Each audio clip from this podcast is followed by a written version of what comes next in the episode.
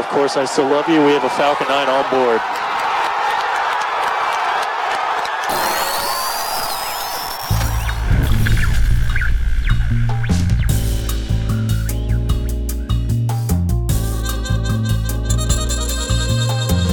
De Zeepkast. Opgenomen 12 april 2016. Welkom allemaal bij aflevering 13 alweer van De Zeepkast. Jouw bron voor al je science, technology en popculture nieuws. Naast mij zit David. En naast mij zit Sander. Hey David, Hey Sander. hoe is die? ja, wel, wel goed, wel goed. Met jou? Ja, ja, ook wel. Een beetje zin Ja. erin. Ik heb er altijd zin in. Eh, dat is Hier mooi. kijk ik altijd naar. Dat is mooi, want we hebben Ja. weer een, eh, een mooi lijstje.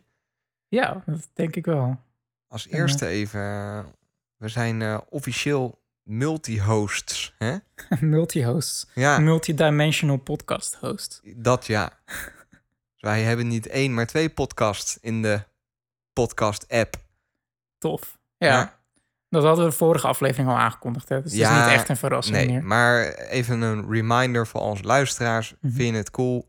Check een keer de Boekenkast, onze nieuwe podcast waarin we boeken bespreken. Dat doen we samen met Wietse van de Appels en Peren Show. Ja. En, eh, Maar voorlopig, voorlopig even niet. Want die gast gaat eh, naar Mongolië. Ja, dus Wietse die is even eh, on a break, maar die komt wel weer terug. In september, dacht ik. En wij gaan lekker door. Dus eh, vind het cool? Check het even. Boekenkast staat nu in de, eh hoe heet dat? Podcast Store, podcast app. iTunes Store, podcast iTunes, app, Podcast Soundcloud, app Store. Overcast, Stitcher. app. Stitcher. Hey, nee, Stitcher heb ik hem nog niet aangemeld. Niet. Daar moet ik hem apart voor aanmelden. Ja. Ga ik doen. Ga ik op mijn to-do. niks aan Ga, ik in mijn- ga ik in mijn Habitica to-do-lijst zetten. Knal die in je habitica. ja. Nee, cool. Is die uit de weg? Ja, ik vond het sowieso al best wel tof, man. Eh, aantal reacties eh, op Twitter, Facebook. Ehm, ook eh, in mijn persoonlijke kringen. Ik vond het echt, want ik was wel een soort van iffy of zo, omdat het wel echt heel erg hak op de tak was en zo. Het- en dat was ook ja. best wel een, een breinkraker qua editen en zo. Ja, Dus, ja jij eh, bent heel lang bezig geweest met editen daarvan. nou ja, eh, het was meer gewoon, ik moest keuzes maken, zeg maar, want er zat echt gewoon Kill geen, Your Darlings. geen eh. lijn in ook en zo. Ja. Dus, maar eh, eh, ja, ik, ik, ik vind, vind dan altijd wel leuk als je het dan loslaat en dat dan mensen erop gaan reageren en de, en If, if you love it, let it go, David. let it go. Ja. Let it go. Nee, Nee, nee, nee. gaan we niet nee. soundbite hier. Nee. ja, nee, cool. Staat online. Check it out.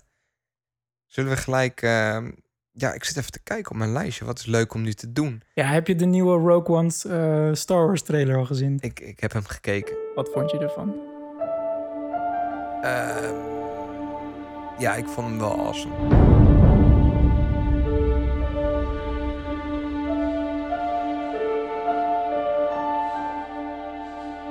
Wel awesome. Nou ja, wel heel erg of zo. Ik was een beetje huiverig voor heel het- ja, dat dit dan toch de, de soort van B-film zou worden, weet je wel. Ja, het is een beetje de, weer de TikTok-mechanisme. Van Ja. We hebben eh, de tik hebben we gehad met eh, de episodes, de saga.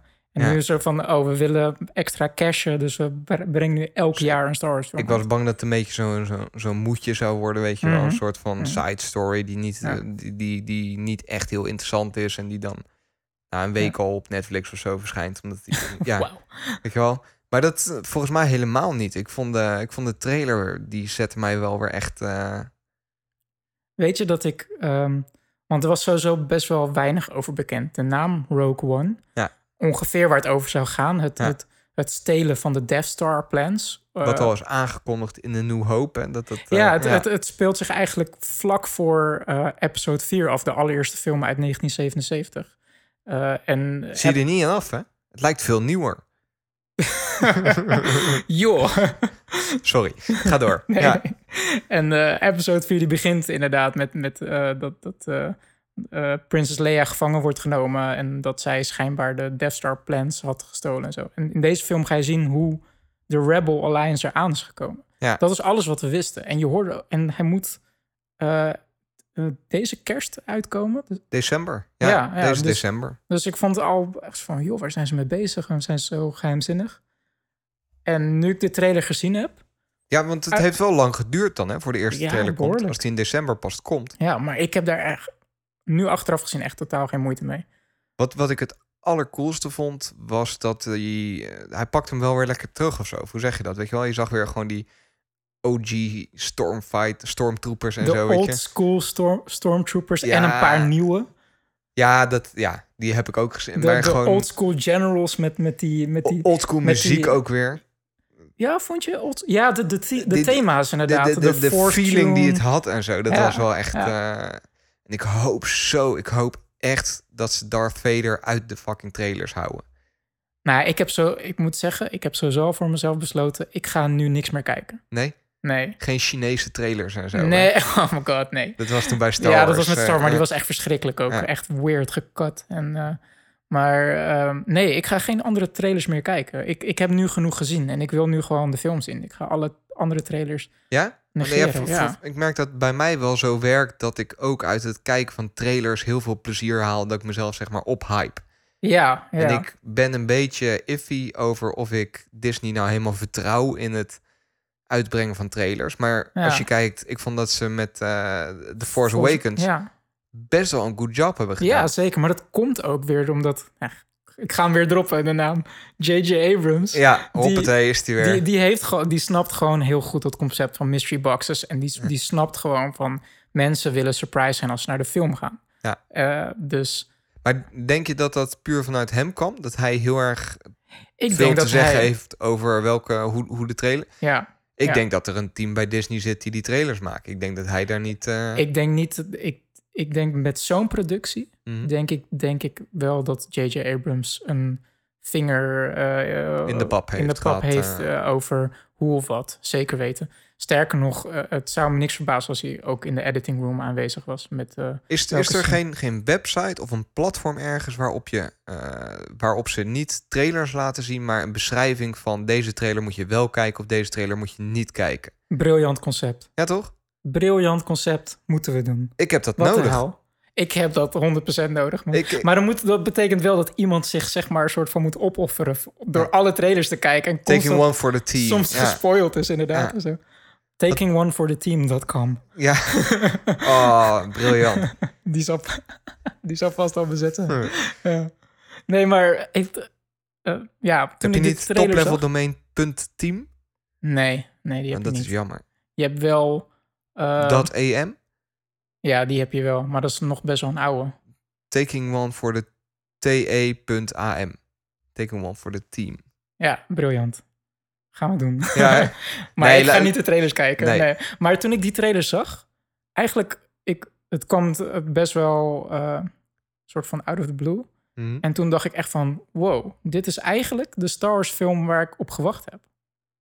Dat meen ik echt serieus. Waarom? Omdat het, het, is, het is Star Wars uit eind 70s. Ja, Die, die Star Destroyer, die voor dat, de dat Death was Star mooi, vliegt. hè? Ja. Wauw, wat een turn. Ook met, met die schaduw en zo. En eh, het, dat zag er prachtig uit. En ehm, het is best wel behoorlijk CGI, deze film. Die, Maar je, die- je ziet er niet aan af. Het is smaakvol en goed gedaan. Het had ook met modelletjes gemaakt kunnen zijn, of zo. Als je het kijkt. Je ziet niet allemaal... Ja, maar dan echt ultra high def. Ja, oké, maar het is niet, eh, niet over-animated of zo.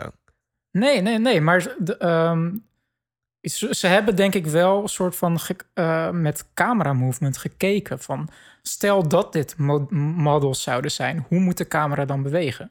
Want eh, eh, als je kijkt bijvoorbeeld naar Force Awakens, hoe de Millennium Falcon gefilmd is, dat, dat is als, als de model was, Niet te doen. dat kan niet. Hoe die, die camerabeweging is puur computer. Maar in deze film zie je echt wel dat ze ook naast de look...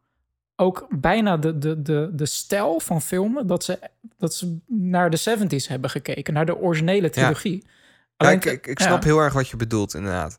En bij The Force Awakens, ja, dat ging ook meer over epicness of zo.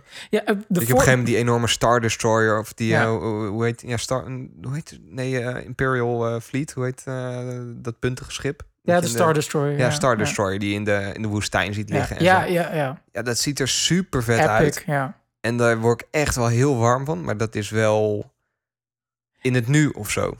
Nou ja, wa- wat met, met eh, Force Awakens, dat, dat is eigenlijk gewoon echt een nieuwe trilogie. Ja. Het speelt zich af na de, de, de, de val van de Empire, de Emperor is gekild in, eh, in episode 6, spoiler Ja. alert. Oh, wauw. ja.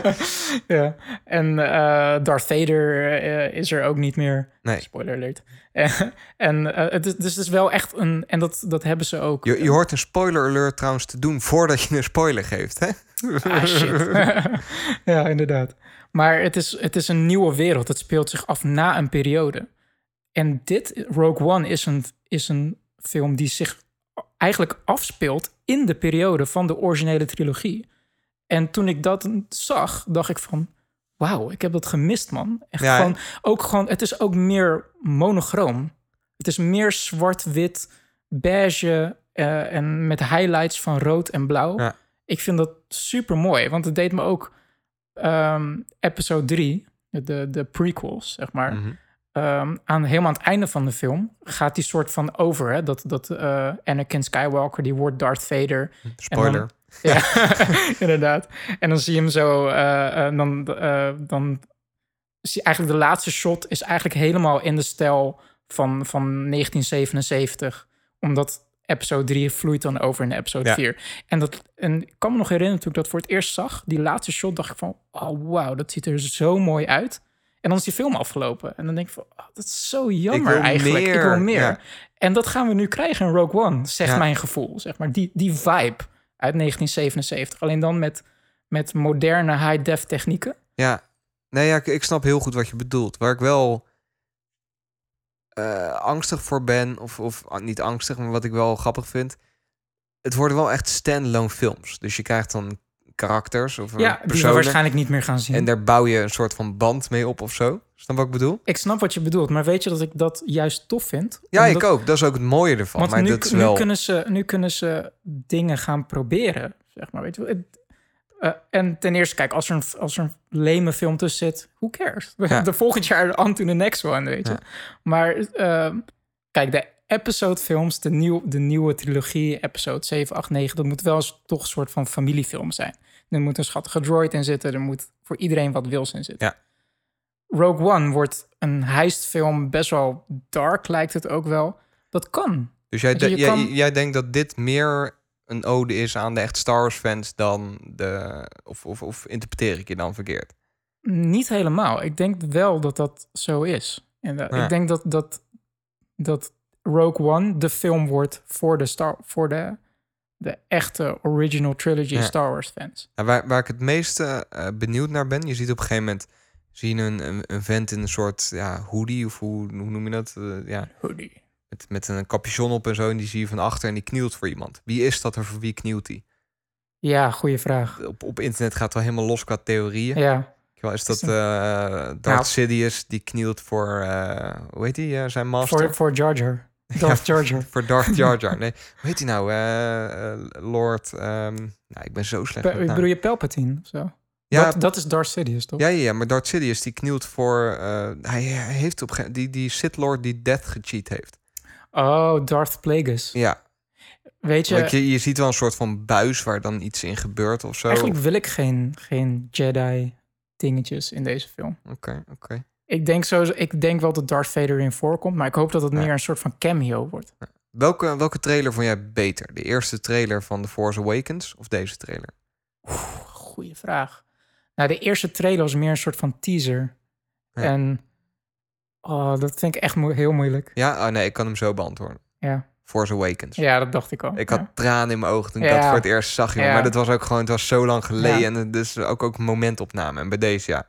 Die heb ik rustig op mijn bank teruggekeken. nog, Oh, vet. Zin in. Nee, ik, ik was echt van wauw. Oké, wauw. Ik heb hier ineens super veel zin in. Dus wat dat betreft, Ja. super trailer. En ehm, ja, maar voor de rest ben ik klaar man met trailers. Ben je al naar Batman v Superman geweest? Nee. Ik zit te twijfelen ook of ik überhaupt ga. Het is wel een visueel spektakel. Het is echt Mhm. een prachtige film. Maar my god, wat hebben ze die film... Nou, ik ga niet over die film praten, boeien, maar Ik, de- ik heb een van de wel... redenen waarom ik best wel teleurgesteld was, die trailer heeft gewoon die hele film. Als je de trailer hebt gezien, dan heb je de film gezien. Ja. Dat is bizar hoe ze dat kunnen doen. Daarom, taking one for the team.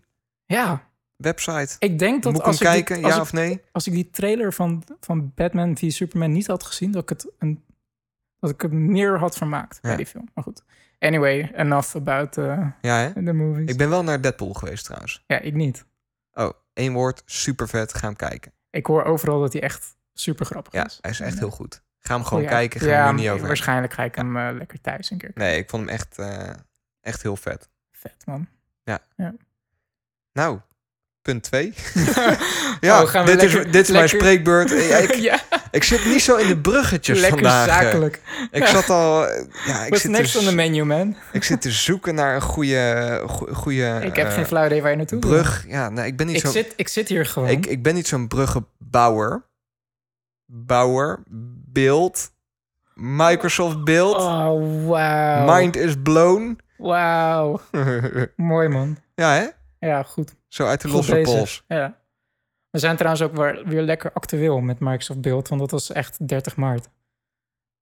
Twee weken geleden. Tweeënhalve week geleden bijna. Ja, joh. Nee, niet waar. Het is vandaag de 12e. Het is twee, ongeveer twee weken. Ja, bijna Ja. twee weken. Ja. Geeft het niet. Nee, ik denk, zeg het even. Ik heb helemaal niks, eh, niet zo heel veel ervan gezien. Ik heb eh, veel teruggelezen, maar voor de rest zelf, ik was niet zo betrokken bij deze, bij deze beeld. Jij wel? Nee, ja, ik, het was mij ook ontgaan. Zeg maar van. ehm, eh, dus ik heb het niet live gekeken. Nee. Maar eh na de hand eh, zitten natuurlijk alle blogs zitten weer vol met de info die is gepost. En ik ben wat dingen gaan lezen. Ja, en daarna is het een beetje gaan malen in mijn achterhoofd. En ik, er zijn toch een aantal dingen waarvan ik denk van... Wauw, Microsoft is... Het is weer een bedrijf met een visie. Ja. Het gaat echt ergens naartoe en ik word enthousiast van ze. En ik word, Ja. nou, ik geloof aflevering, he- helemaal aflevering 1 of zo, zoiets, dan breek ik al een lans voor Microsoft dat ik wel vind dat ze Klopt. goed bezig zijn. Ja, En die trend die zet wel door. ja. Ik kan me wel, eh, ja, ik word er wel warm van. Noem eens een aantal dingen waar je warm van wordt.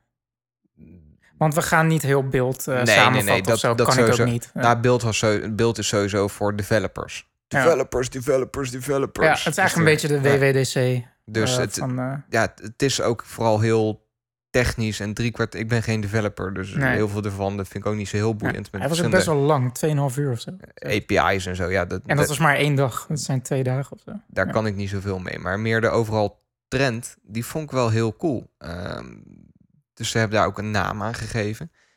Van, nou, wat, nou, laat ik het zo zeggen. Wat ik het tofste vond, was hun nieuwe filosofie. En die noemen ze zelf Conversations as a Platform. Ja, Nou, die naam, alleen, als platform. die naam alleen al, denk ik van ja, daar is wel over nagedacht. Ik vind dat wel een, een, een- tof concept. Als, ik, Mhm. als ik gewoon niks over zou vertellen en tegen jou zou zeggen... ik heb iets nieuws bedacht, ik ben softwareontwikkelaar... en ik noem het Conversations as a Platform. Ja, Dat is toch vet? dat is heel vet. Dan denk je toch, die naam is goed bedacht... en dat zit goed in elkaar. En Ja. tell me more. Ja, nou, tell me more. Ja, nou ja, het is eigenlijk eh, de visie van Microsoft... dat ze eh, ja, eigenlijk conversatie het platform willen maken. Mhm. Dat Conversatie met wat? klinkt als een open deur intrappen, maar het is eigenlijk de ja, voortzetting van de trend die al is ingezet door alle software-giganten en bedrijven. Mhm. En dat is het, ehm, ja, hoe zeg ik dat eh, goed?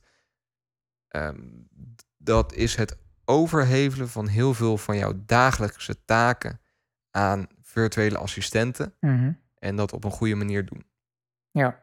Of doe ik het dan tekort? Ehm, nou, ja, in, in essentie klopt, ja. Het, het is inderdaad eh, de, de digital assistant van Microsoft. En Ja. Microsoft is er al een tijdje mee bezig met Cortana. Eh, maar ze, ze brengen het nu wel, denk ik, tot een next level. Want Mhm. eh, ehm, wa- wat ze eigenlijk hebben aangekondigd bij, bij eh, Microsoft Build... is dat in de nieuwe Windows, dat noemen ze de Anniversary Update... Ja. die komt ergens in de zomer uit... Eh, Cortana eh, wordt nog slimmer. En ehm, zit nu eigenlijk overal in Windows. Dus eigenlijk altijd een soort van, van digital... Ja, Het is eigenlijk paperclip 2.0. Ik- ik- ja, ik, ik wou net zeggen, ik zie dat dan voor me als een soort van poppetje. Die heet Cortana en die zit dan over en dan klik je op je startmenu en dan is ze weer, weet Ja, je wel. ja, dat is- Ga eens weg. Ja, Paperclip 2.0, Ja. kan ik je ergens mee helpen? Nee, rot, donder erop. Zeg maar. nee, nee. maar het is wel een soort van... van die, die, is, die, die leest eigenlijk overal constant mee over je schouder. En waarom is dat nuttig? Omdat ze dan een soort van totaalplaatje krijgt over jou. Ja. Van, van ze- eh, eh, ze, dat is al eng hè, dat ik zeg van ze of hij of het, die, die, ja, die weet... dat is ook zo. Dat, Ja. dat klinkt gewoon gemeen. Ja, Ja. het. Ja, Cortana heeft ook gevoelens. Cortana has feelings. Ja. Ja. Maar die, eh, ehm, ze, ze weet met wie je praat, wanneer je, je, je, je afspraken zijn. eh, Wanneer je naar bed moet.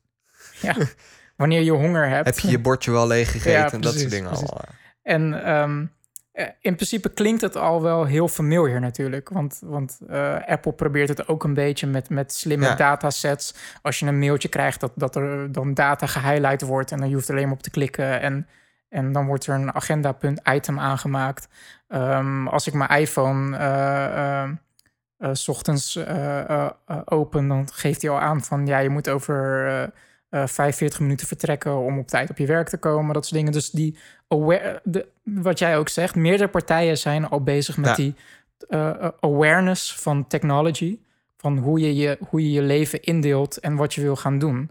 En eigenlijk moet. moet Het, het is een beetje de zoektocht naar de heilige graal. Hè? Ja. Iedereen die is bezig eh, nou, bij mensen. Mhm. We zijn heel veel tijd kwijt met dingen die eigenlijk vrij nutteloos zijn, zeg maar. Ja.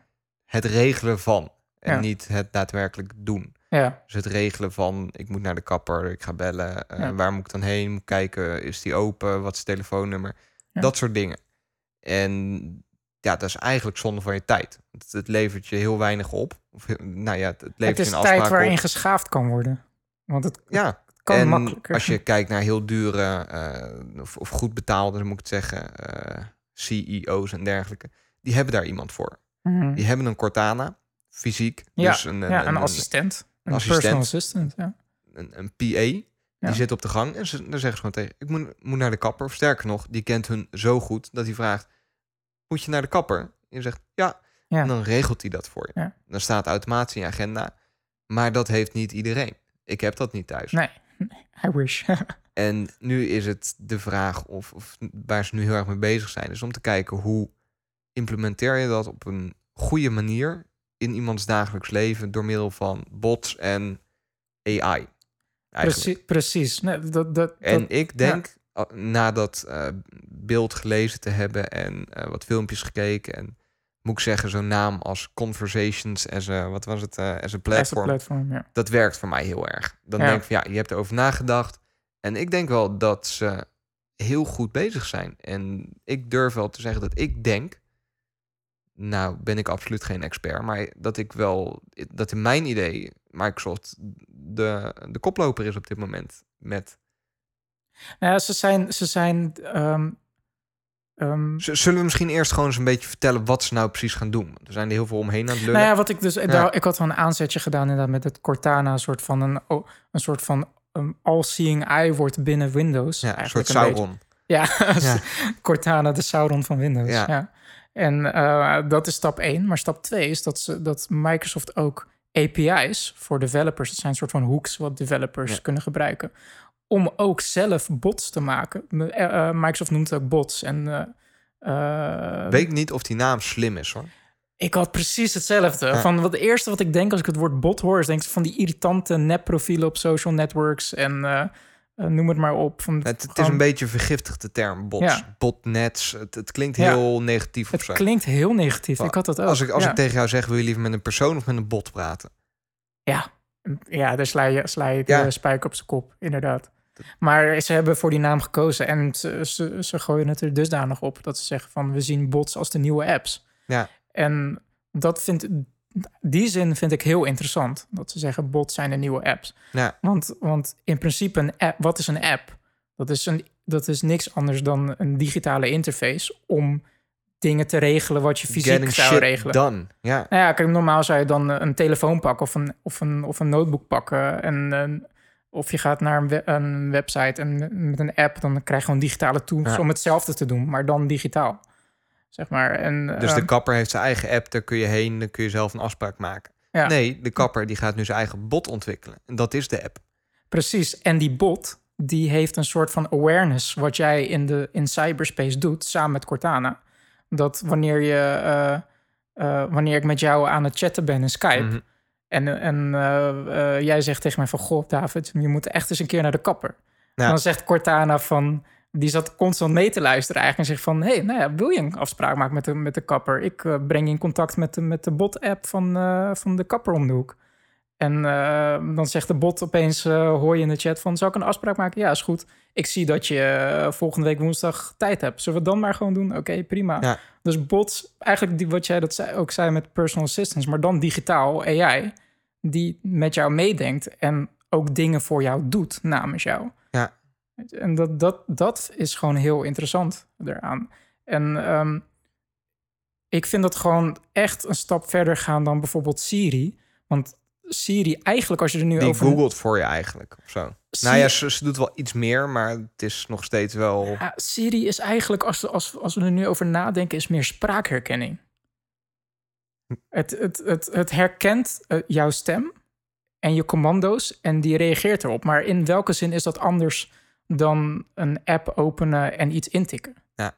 Het is een shortcut. Het is een, het, je doet het met je stem in plaats van met je vingers. Ja, ze, ze Maar- denkt niet echt mee. Dat bedoel jij meer, denk ik. Precies, precies. En er zijn, zijn wel soort van pogingen. Met wat ik dus ook zei, dat, dat de notification center zegt van ja, je moet over zoveel tijd moet je weg, want ik zie dat het druk is op de weg. Maar het is nog niet proactief genoeg. En ehm, wat Microsoft probeert te doen, is proactieve bots maken. En het, ehm, ja, ik, ik, ik weet nog niet zozeer hoe het in de core werkt. Want het kan zijn dat het gewoon een heel slim trucje is nog steeds. Dat het, dat het ehm, ehm, nog steeds gebaseerd is op pure datasets herkennen van datums. En eigenlijk wat, de, wat, wat nu ook op Apple gebeurt in mail. Als je een mailtje krijgt met een datum, Ja, dat, dat hij dat, hij herkent. datum, ja. Datum moet vast een agenda-item zijn. Wie we, dat is eigenlijk een soort van weak AI. Van eigenlijk heel dom, da- Ja, ja, eh, voorgeprogrammeerde data herkennen en Nou, daarop ja, inspelen. Waar je naar op zoek bent, is natuurlijk een, een AI, zoals vorige week waar we het over hadden, of twee weken geleden, eh, met Google DeepMind. Ja, die een soort van die, die, die context heeft en Die ook leert. Ja, ja, precies. Die, die, die leert eh, hoe je in elkaar steekt eigenlijk. En, en patronen leert herkennen. En daardoor ook soort van voorspellingen kan doen. En dus proactief eh, kan, kan werken. Ehm, dus, de, de- dus wat jij zei met dat conversation as a platform. Aan de ene kant is het een interface verhaal. Mhm. Dat je dus eigenlijk een conversatie aangaat met verschillende AI's. Dus dat je aan kort, dat eh, Cortana aan jou vraagt: wil je dit? En eh, die brengt jou in contact Ja. met een andere bot. Die zegt die bijvoorbeeld een hotelbot. En die zegt van: Oh, ik hoor van Cortana dat jij eh, volgende week een trip wil plannen naar Oh, ik, Parijs. ik heb ineens een brain fart. Ja, hoe nice zou het zijn als... ehm, hoe, hoe heet die dating? Tinder. Tin- Als Tinder, dat is nu een app, als dat ook een bot wordt. Dat jouw Cortana, die kent je heel goed. Van, eh, wil je even oh Tinderen? god, een ja. matchmaking Ja, bot. en dan gaat jouw Cortana gaat praten met de Cortana van iemand anders.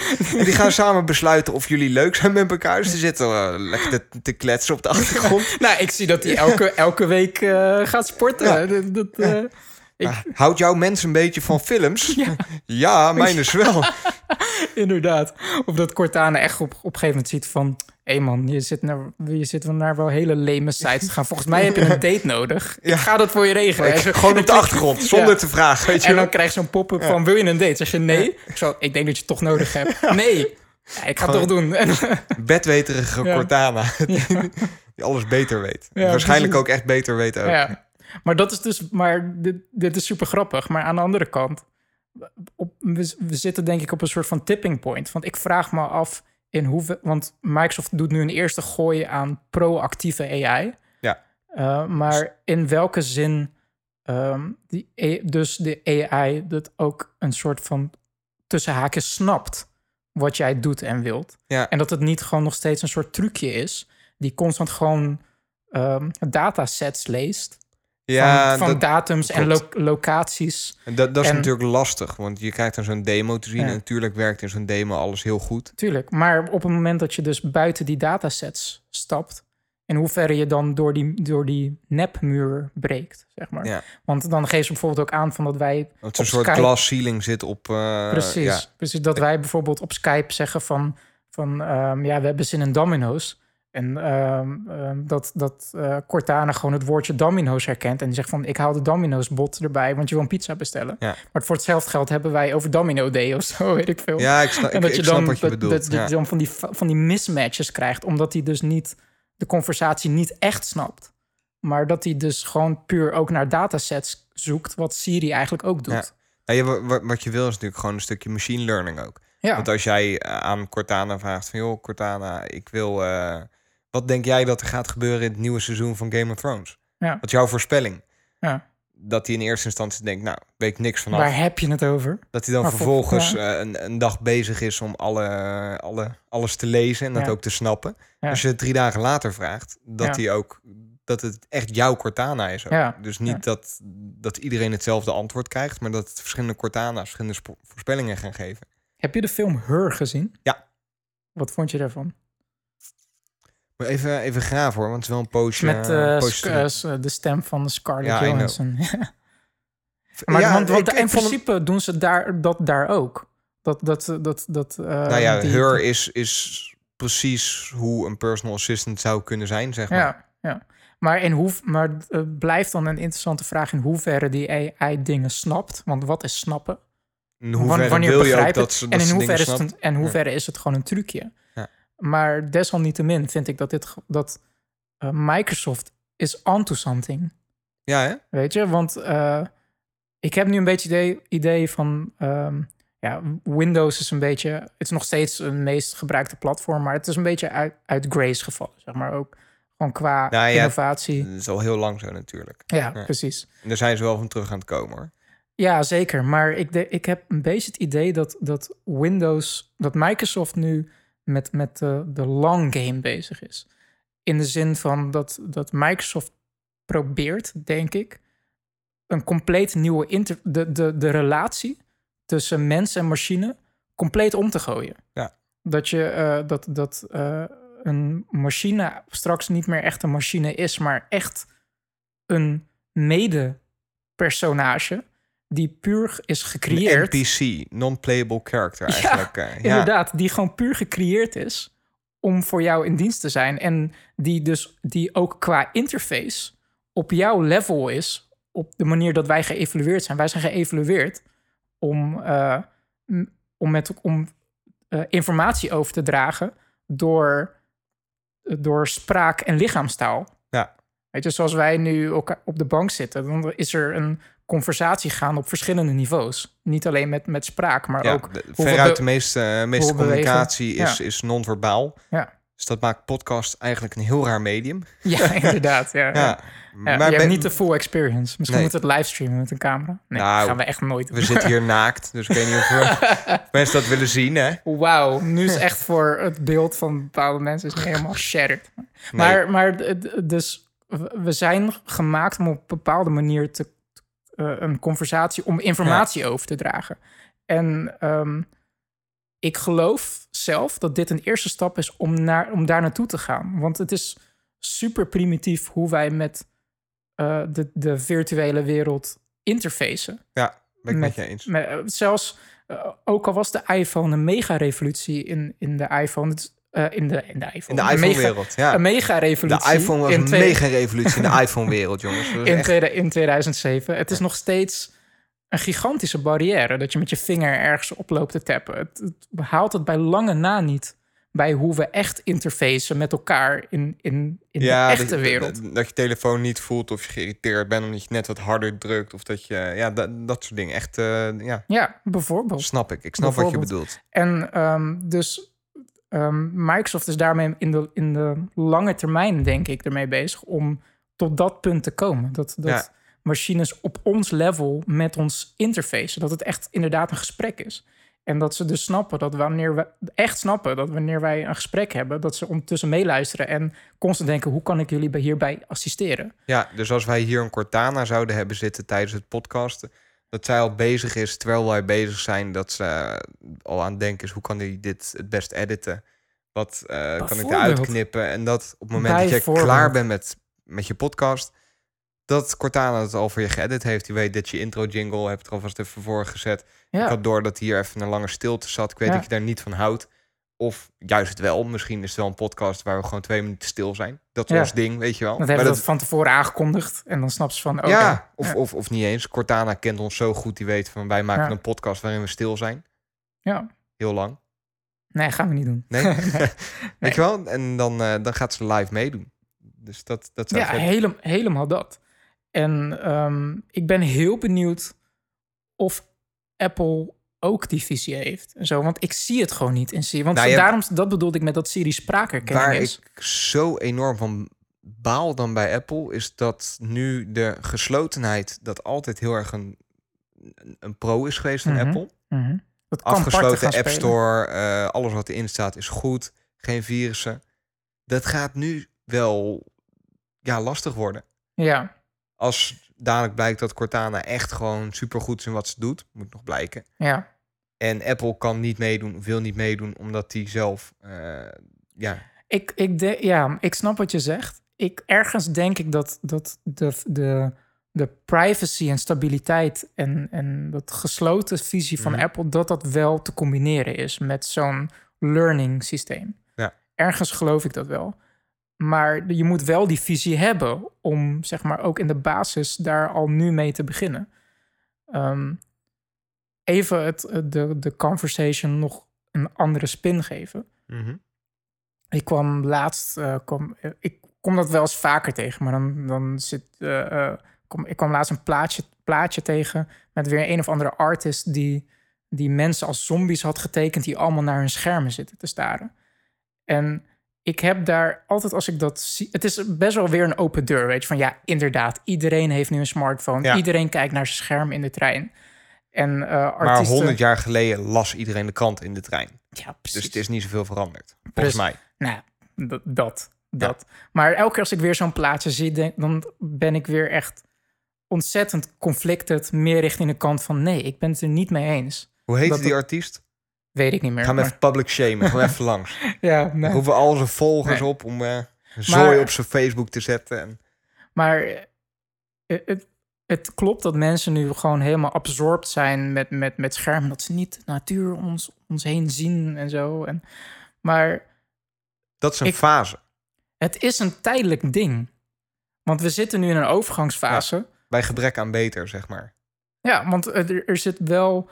eh, Bruggetje. Nee, maar iemand zit dan naar zijn scherm te, te staren. Maar het is wel een soort van drang naar een extra laag in onze realiteit. Want iedereen die, die maakt al een soort van zijn eigen realiteit... door interpretaties en meningen te hebben over dingen.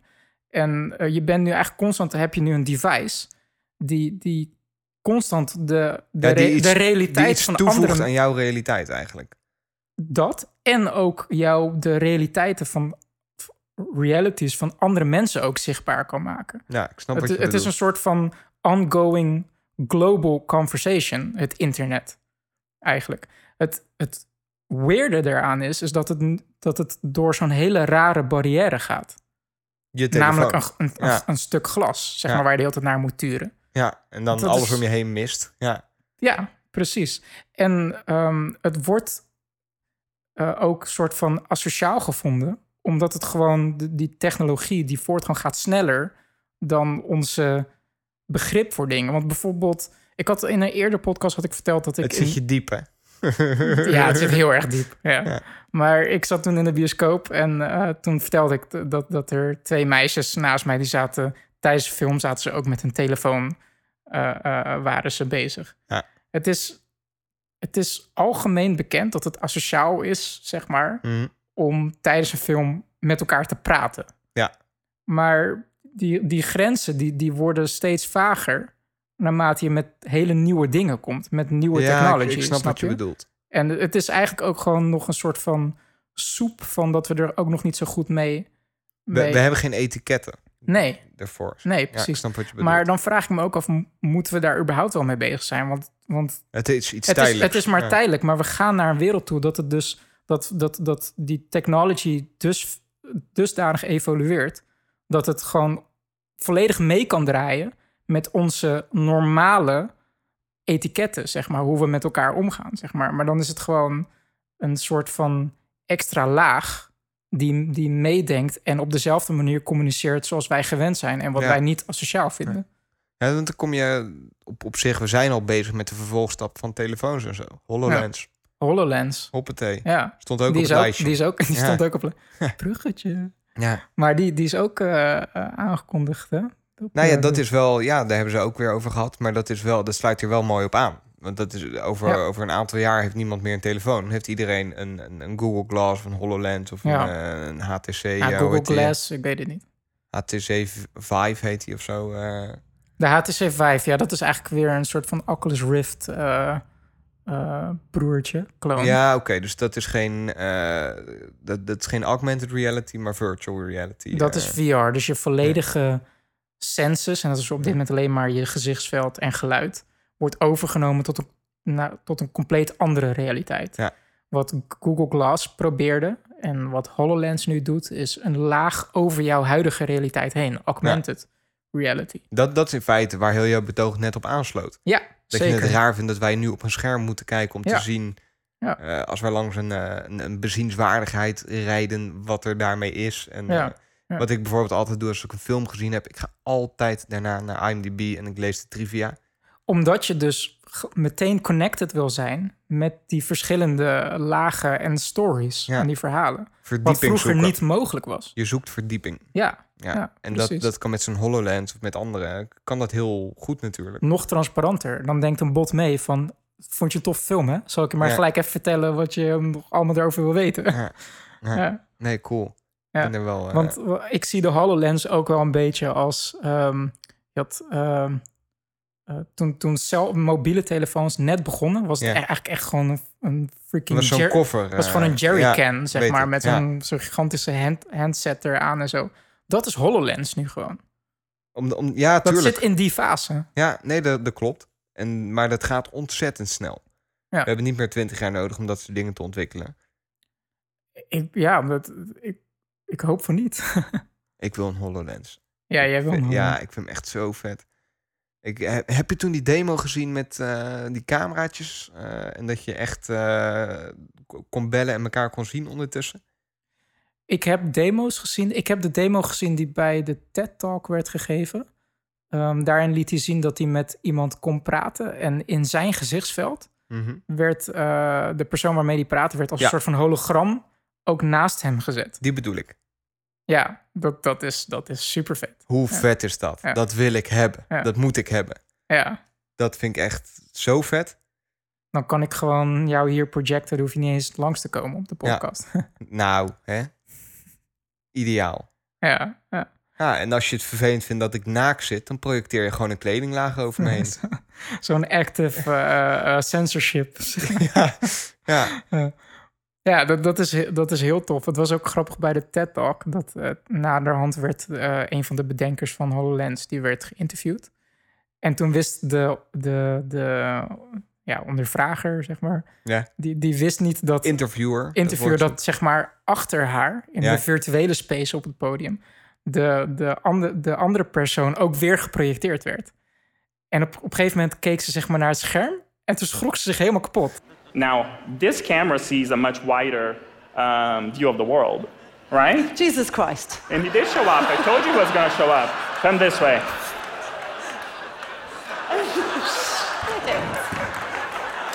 There's holographic Jeff Norris. I knew something was happening, but I really wasn't sure. Dat ze zoiets van, oh shit, er staat iemand achter me. Er staat niemand achter haar, maar het wordt toch in een andere laag geprojecteerd, zeg Ja. maar. En dat is heel vet. En ze lieten daar ook zien dat ehm, een NASA HoloLens al gebruikt om ehm, Mars up close te bestuderen. Dus ze hebben eh, door de rovers hebben ze gewoon eh, eh, een, een soort 3D-beeld van de oppervlakte en, en high-def foto's. Dat wordt in de computer gestopt. Er wordt eh, een, een 3D-landschap van gemaakt. En met de HoloLens kan je daar doorheen lopen. En dan kan je gewoon echt knielen op Maar- de Mars-surface. En het is helemaal correct. Is, is het open source dat? Of echt alleen voor NASA? Kun je dat als HoloLens-eigenaar zelf Ehm, ook zien? Dat is een hele goede vraag. Daar durf ik niet op te antwoorden. Want mijn gevoel zegt dat die data... dat data wat NASA verzamelt... dat zij dat überhaupt altijd moeten vrijgeven. Ja, daarom. dat, Dat, dat dus ze ook. hebben daar iets van 24 uur de tijd voor of zo... om dat public te maken. Dus volgens mij moet dat kunnen. Ja, vet. Ja. Hey, zullen we even doorgaan? Want eh, ik vind wel even genoeg Microsoft. Ja, let's go. ja, toch? Ja. Nou, op naar eh, puntje 3. Kort. De Model 3. Oh, zo, je bent echt lekker bezig hier vandaag. ik gooi ze zo in die bruggetjes, joh. Ja. Helemaal niet moeilijk. Ja. ja, we hebben erin gereden hè, in de Model 3. Ja, op 1 april. ja, ik vond het wel een, eh, een geinig 1 april grapje. Ook wel een beetje sneu of zo. Dat we, hè, dat we grapjes moeten maken over dat wij zo groot zijn dat we in dat ding mogen rijden. Terwijl we dat eigenlijk helemaal niet zijn. Dat is ook wel een soort van zelfspot. Maar eh, ik zou er. Misschien was het ook een beetje wishful thinking. Misschien hoopte ik wel dat iemand bij Tesla het oppikte. En dan dacht van, ah, we gaan hun 1 april grap gaan we werkelijkheid maken. Ik weet wel zeker dat het wishful thinking was. Ja, hè?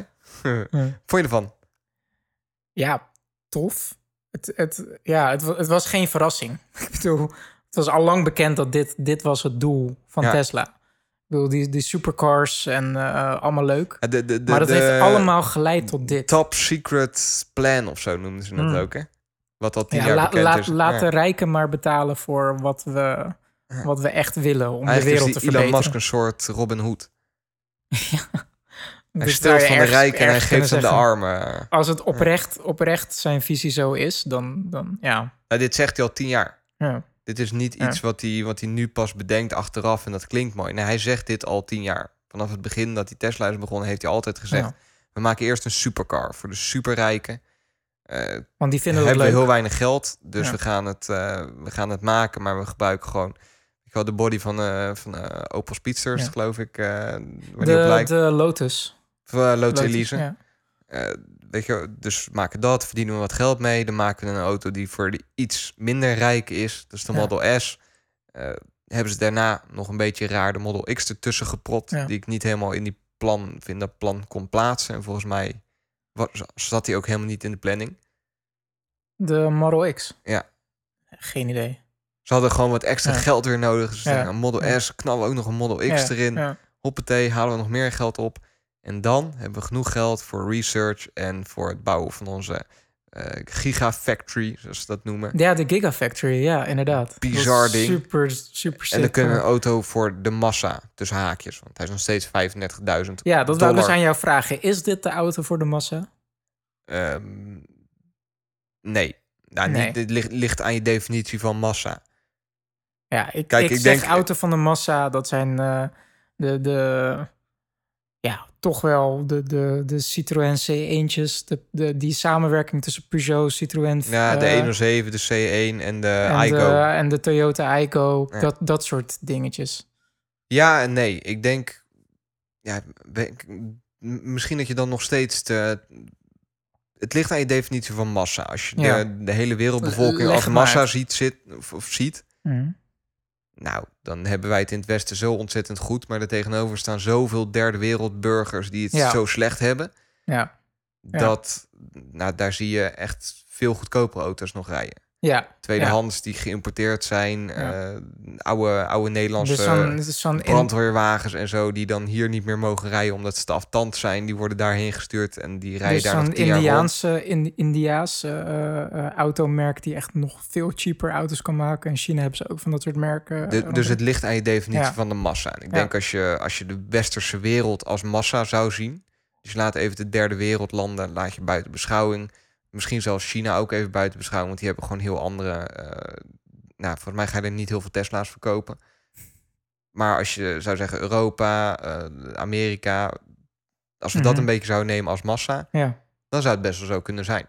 ja. Ja. Want het is wel een bereikbare auto. Ik denk wel dat als je naar de gemiddelde aanschafwaarde van een auto gaat kijken, puur gemiddeld Mhm, genomen, mhm. dat je boven de, boven de Igo zit en boven de, de C1 en boven de 107. Dat er meer duurdere auto's rondrijden dan die echt goedkope boodschappenautootjes. Ja, ja, nee, dan maak je inderdaad. Maar dat punt. zijn vast cijfers die je op kunt zoeken. De gemiddelde waarde van een auto. Mhm. Ik meen zelfs ergens gelezen te hebben dat nu in Amerika de gemiddelde waarde van een auto die ligt rond de 30. Dus daar zouden ze net iets boven zitten. Ja, ja, 30.000 dollar. ja. Ja, dat maakt hem. Dan heb je daar zo ook nog al die eh, nou, premies omdat je milieuvriendelijk rijdt. Dat maakt hem wel heel bereikbaar. Ja, ja. En het is ook iets, als mijn droom echt is, ik wil een Model 3, dan kan ik dan daar kan het... Ja, keihard ja. mijn best voor gaan doen. Elke cent opzij zetten, alles in werking stellen om dat ding te kopen. het is realistisch. Zoals ik denk, ik Ja. wil een Ferrari, de nieuwste. Ja. Ja, de kijk, spaar het ook een onsweeg. Ja. Dat ga ik nooit kunnen kopen. Ja. Dus hij is wel bereikbaar. Ja, nee, dat, dat is inderdaad een, een Meer dan een de, goede kijk. dan de Model S. De Model S is wel dusdanig duur, dat is een huis bijna. Ja. Dat is inderdaad gewoon nog steeds voor de, de, de higher class. Nou ja, hij is, hij is ja. denk ik 2,5, 3 keer zo duur als de Model 3. Ja. Als je hem een beetje met wat opties en zo neemt. Ja. Dus Ja. dat, dat, dat even over, over het prijspunt. Ik denk dat ze wel, ze zitten nog steeds aan de hoge kant, maar het is ook geen, is nooit de insteek geweest om echt de goedkoopste auto ever te maken. Nee, nee, je hebt gelijk. Ze, ze blijven wel een luxe merk. Apple die maakt ook affordable telefoons in nu de iPhone SE, Mhm. maar het is nog steeds een dure telefoon als je hem Ja. afzet tegen Chinese smartphones. Abs- absoluut. Ja, absoluut. Ja, dus ik, ik denk dat wel kan werken. En ik, Ik, was, vraag me eh, wel af of dat wel een vergelijking is. Of, de, of, de, of Tesla en dan de Model 3. Of dat de iPhone is binnen de auto-industrie. Omdat het, Ja, omdat dat hoor je heel veel, merk hè. is. je- Ik vraag het me af. Je, je hoort het heel veel. Dat de, de, de unveiling van de Model 3 zou, zou, de, eh, zou het iPhone-momentje zijn voor de Mhm. autobranche. Mhm. Ja, gaat niet helemaal op, vind ik. Nee, voor mij ook niet. De, de, de iPhone was. Er bestonden wel auto's, maar de iPhone. Of, of de, ja, er bestonden toen ook auto's. Ja. Nee, er bestonden smartphones. En, eh, maar de iPhone kwam één op het juiste moment. Twee met alle juiste features. En het was ook wel. ehm, ja, baanbrekend wat ze gemaakt hadden. Ja, doet misschien een beetje. Je had zo'n LG-toestel ook, de LG Chocolate of zo. ja volgens wat. mij zo'n Prada-phone of zo. Ja, zelfs. nou, en dat, die schijnt er heel erg op geleken te hebben. ja. Qua touch en qua, ja. qua dingen. Ja. Dus, Multitouch was ook niet helemaal nieuw. Dat was door een andere dude. eh. maar je ziet nu in de elektrische autobranche dat er ook wel echt andere merken zijn die ook al. Je hebt de Nissan Leaf, je hebt, je hebt het is niet Mhm. iets heel, nieuw, heel nieuws. Nee. Er staat daar geen man op het podium die, die iets laat zien waar allemaal onze mond van open valt. Nou ja, het verschil is dat, dat ehm, Tesla eigenlijk ehm, dat proces gewoon wil versnellen. Ja, Liever gisteren dan vandaag. Ja. Eigenlijk. En de- het, het is sowieso een trend eh, eh, ehm, waar we naartoe gaan. Alleen eh, Tesla die wil gewoon de, de driving force zijn eigenlijk om, om het eh, ehm, ja, gewoon zo snel mogelijk bereikbaar te maken. en dat doen ze goed. Ja, zeker. Ze, Nou ja, ik ben de, de- eigenlijk de, de. Ze hebben het nu aangekondigd. Ze hebben hem, we weten nu hoe die eruit ziet. We weten hoeveel die gaat kosten. Wat nu de meest de interessante kunnen vraag ze de wordt. vraag aan. Precies. Dat is hem. Ja, exactly. Ze hebben nu al, eh, ik geloof iets van 300.000 Ja. eh, pre-orders staan. Ze hebben ongeveer twee keer, zo, twee keer zoveel orders ontvangen dan waar ze op gerekend hadden. Ja. Nou ja, gerekend wat ze verwachten. Wat analisten voorspeld hadden, ja, moet ik moet zeggen. Ja. Ja. Nou ja, ik, ik ben ook wel benieuwd, want ze hebben nu natuurlijk die Gigafactory. Die is nu operationeel, maar volgens mij nog niet helemaal. Hij Nee, draait nee, niet, op volle capaciteit. Nee. Ook wel echt, De eerste auto's worden vond- volgend jaar geleverd of zo. Dus ik denk dat als je nu een bestelling zou plaatsen... en eh, als de meeste mensen nu gewoon ook een bestelling laten staan... want je kan hem nog terugtrekken. Ja. Want mensen moesten 1000 euro betalen. Maar die is refundable. Ja. Dus je kon hem terugtrekken. Ehm, nou, dan kan je echt...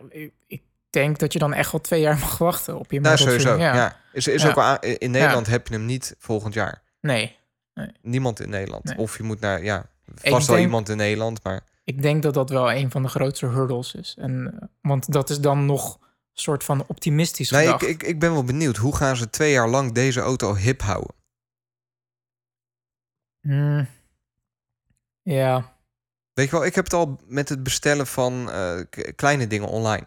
ja. dan ben ik in een soort van eh nou, koopzieke of koopdronken bui of Ja. zo. Helemaal intoxicated door een verhaal. Ik heb het allemaal gezien Ja. online en dat vind ik heel cool. En ik bestel hem. Vervolgens moet die afkoelperiode moet niet te lang zijn.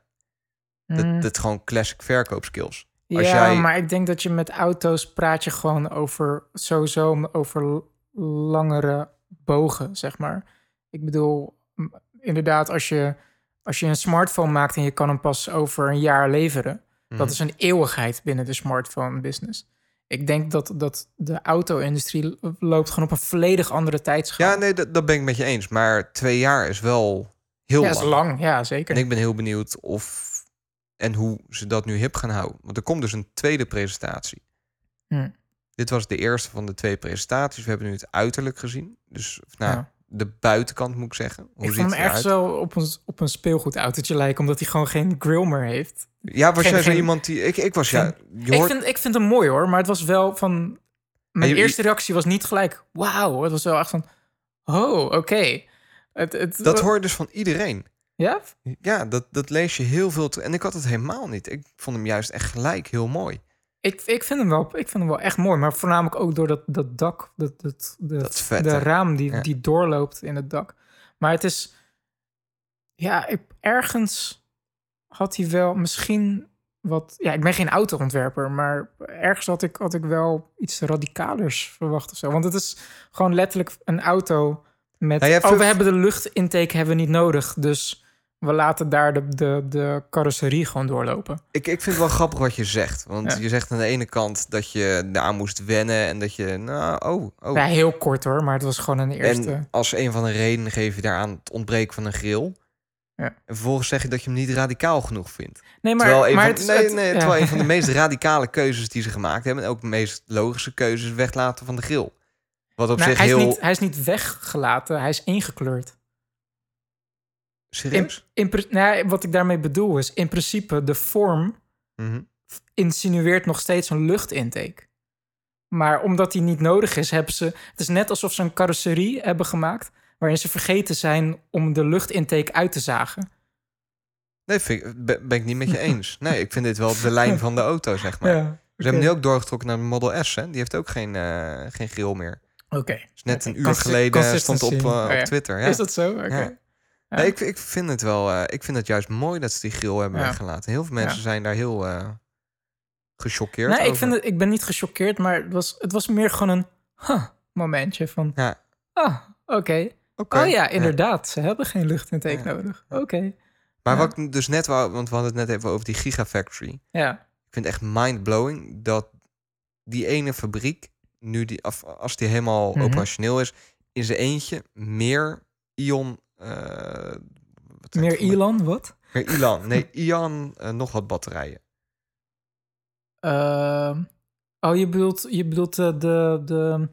Nou, het, het type batterijen Ja. dat ze maken, Ja, ik ben ook even de naam kwijt. Ion, ION en dan Ja. nog wat eh, Lithium-ion batteries. lithium-ion Ja. batteries. Zij maken in die ene fabriek meer dan heel de wereld samen. In één fabriek. Wauw. Dat is bizar, Ja. En dan komt volgend jaar een complete paradigm shift in batterijen. Daar zat ik dus ook ja. over na te denken. Dan hebben ze zijn nu- echt eh, op de verkeerde eieren gezet. Ik Nee, had dat het daar laatst met Ja. een vriend er inderdaad Ja. ook over. Wat zou er nou gebeuren als er ineens een radicaal nieuwe Ja. vorm van energie uitgevonden wordt? Ik denk dat ze wel... Dat, dat zij wel compleet in de... In het, in, hoe zeg je dat? Compleet met een, een, een eh, research, zeg maar... Up-to-date zijn met de meest... eh, eh, maar wat nou als ze het zelf uitvinden? Wat gaan ze doen dan? Ja, Gaan ze het geheim En het kan ook gewoon plotseling zijn dat iemand zoiets heeft van... Oh, wauw, dit is gewoon een ding, zeg maar. Ja, En, eh, dit is veel, veel beter dan Ja. al die zooi die we tot nu toe gemaakt hebben.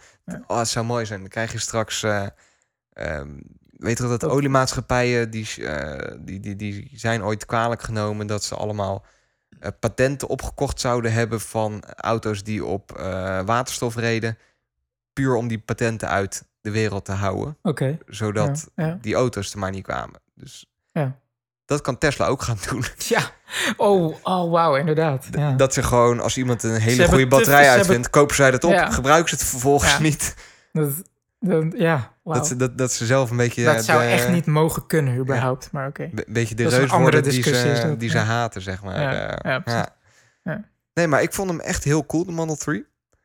Eh, alleen, Wat ik vind, ben, je van, wat vind je van dat gigantische scherm? ja, de- daar wou ik het dus even over hebben, want ik geloof gewoon niet dat dit de binnenkant is.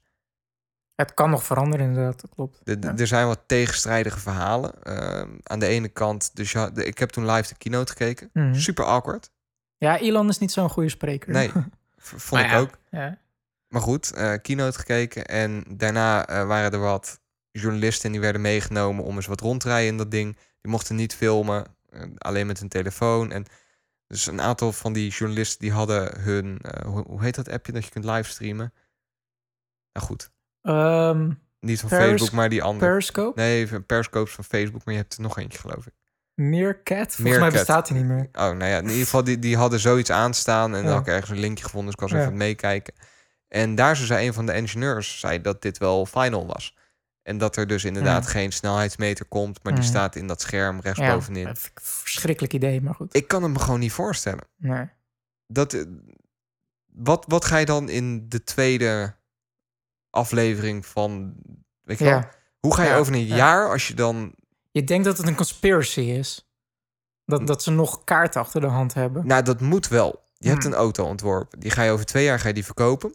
En dat past in nu- jouw beeld van het, het hot houden in de komende Ja, twee je jaar. moet die auto moet je hot Ja. houden. Dus je hebt Ja. twee, eh, Ja. twee presentaties. Eentje heb je nu gehad. Ja, als je dan alles al hebt laten zien, wat ga je Ja. dan die tweede doen? Nou jongens, dit is mijn auto. Ik heb hem een jaar Ja. geleden heb ik hem ontworpen en hij is nog steeds hetzelfde. Ja. We hebben wat interne dingen. Hij kan wat verder rijden of wat minder ver. Of nou, weet ik veel. Nee, je moet dan echt een, een, een, ja, iets achter de hand hebben Ik om in één klap te ja. zeggen.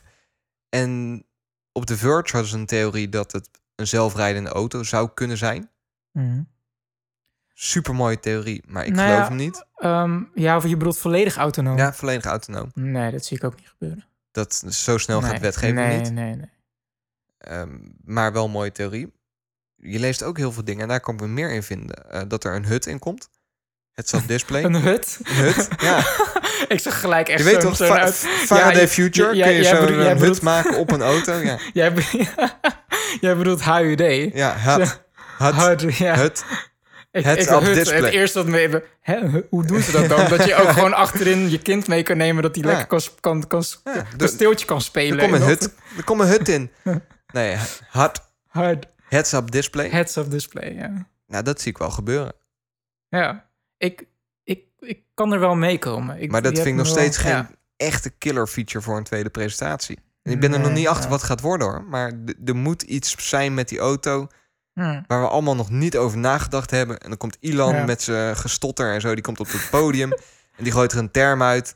Bioweapon defense mode, weet je wel. Die knalt er wat uit en wij denken allemaal... Holy shit, Ja, dit is echt super vet. ja. We weten al een jaar dat die auto eraan komt. Maar hier hadden we allemaal niet aan gedacht. En dit Ja. is echt cool. En dan hebben ze nog 500.000 aanmeldingen. Wat, wat ik me ook ineens bedenk. Zo, is, ehm, volgens mij zit, zit ehm, de potentie voor, voor eh, assisted eh, self-driving. En zo zit er al ingebouwd. dus klopt. al die radar technology en Maar zo. alleen de hardware, hè? Ja, de hardware, ja. Ja. Dus moet je betalen om dat te activeren? Eh, nee, dat was niet helemaal duidelijk, maar waarschijnlijk wel. Want hij zei heel specifiek: de self-driving hardware zit Is, in de auto. zit er al in, ja. Ja. Maar bij mij kwam het toen over van... je krijgt geen... Autopilot heet die trouwens. Ja, Eh, ja, ja. Autopilot Ja. hardware. Maar de, de, bij mij komt het over als in de zin van... nee, je krijgt, dit is niet helemaal bare bones uitgekleed. Eh, je krijgt gelijk al de auto voor de future, future-proof. Maar je moet wel voor fast charging betalen. Dat zit er niet standaard in. Nee. Dat is een optie. Ja. Maar aan- dan heb ik ook weer zoiets ja, ze moeten ergens op... eh, Ja, kijk, Ja. die auto moet voor 35.000 moet die geleverd worden. Ja. Dus ze moeten inderdaad wel concessies gaan doen Ja. ergens als het Ja. op de Model S aankomt. Ja. En je wil ook niet de Model S uit de markt prijzen. Als je alles wat die S heeft nu ook in die, die, die Model 3 gaat bouwen, ja, ja, wie koopt dan nog die S? ja. Ja, hm. Cannibaliseren van je eigen markt heet dat. Ja. Nou ja, als we naar Apple kijken, die hebben er totaal geen probleem mee. Doen ze ook niet hoor. Het, hun eigen producten kan cannibaliseren? Niet echt. Ja, wel, tot op zekere nee, er zit altijd een redelijke prijsopbouw bij Apple in. En redelijk... Nee, maar eh, ik bedoel meer van, van eh, bijvoorbeeld de, de, waarom de iPod in stand houden als we nu nieuwe producten maken die eigenlijk dezelfde functionaliteit hebben. Ehm, ja. Hey, ja, nee, ik, ik zie Nee, het maar wel het, het- het is wel zo. eh, Je hebt wel een bepaalde prijsopbouw. Je kunt voor je, je kind die eh, een soort van iPhone wil... voor spelletjes en zo... ja, koop een iPod oké. Touch. Ja. Eh, wil je wat meer, dan koop je een iPhone SE. Ja. Wil je echt eh, state of the art, dan koop je een iPhone eh, 6S. Komen we toch weer terug bij Apple, hè? Het komt nooit goed ja, altijd. Ja. Nee, maar er zit wel een logische prijsopbouw in of zo. En voor ieder wat wils. Op het Ja. moment dat jij een Model 3 maakt die exact dezelfde specificaties heeft als een, als een, als een eh, Model S. Ja, nee, er zit wat in. Ja, zeker. Ja, we gaan het zien, man. Dat wordt... eh, Gaan we in de gaten houden. Ja, ik ben heel... eh, een beetje schorre, Ja. stem. We zijn ook wel Ja, het, was, bezig. het hè? is ook een flinke discussie. Ja. Nee, dat valt mee. Dus ik ben heel, Maar- heel benieuwd... Wat, wat gaat er in die tweede presentatie komen? Ja. Gaat een heads-up display worden? Wanneer Gaat is die tweede iets- presentatie, weet je dat? Eh, geen idee. Volgens mij is het Is ook nog niet voor. aangekondigd? Volgens mij denk ik een beetje eind dit jaar of zo. Misschien is het wel aangekondigd. I don't know. Maakt ook niet uit. Ja, we gaan het zien. Ja, We gaan het cool. zien. Moeten we even eh, kijken of... eh, ik, ik denk dat we weer een veel te lang lijstje hebben, David. Ja, ik, ik merk ook wel dat we... ehm, ik, ehm, ik ben op zich wel tevreden met eh, wat we allemaal besproken hebben. ja, maar dat is wel zonde. Want op ons lijstje staat ook nog eh, de SpaceX landing. Maar misschien moeten we die Daar dan kunnen we heel kort over heel zijn. kort dat was even noemen. freaking awesome. Ja, ik baalde, jongen. Echt als een stekker. Ik heb tot nu toe alle lanceringen live gekeken. Behalve deze. Ik heb het met geluk gekeken, want het was echt op een... Ik had daarvoor heb ik echt bijna... Ja, ik moet niet overdrijven. Denk zeker wel echt 30 uur gewoon gefunctioneerd gewoon. Het was echt... Ja. Ja, ja je, je kent het achter de schermen. Ik heb echt behoorlijke kilometers gemaakt en eh unbelievable. Dus ik was helemaal kapot. Ik lag in bed. Ja. Eh, ik, ik pakte mijn iPhone en opeens zag ik eh, in mijn YouTube-app SpaceX die aan het streamen is. Ik van, oh god. Bring it, bring it on. ik heb hem aangezet. Oh, ik had het niet beter kunnen timen gewoon. Het was Ja. echt gewoon precies toen ze lanceerden. En ik, begon ik te kijken. En jij appte mij van... eh oh, het is Ja, gelukt. ja, En ja. Ik dacht, oh shit, ik heb het gemist. En, Nou, eh, ik was, ik, was echt, ik was echt lichamelijk en mentaal was ik gewoon helemaal broken. Maar op het moment dat het schip, dat, dat die raket eh, de first stage landde op de Mhm. drone ship. Of course, I still love you. Prachtige naam. ja, vet hè?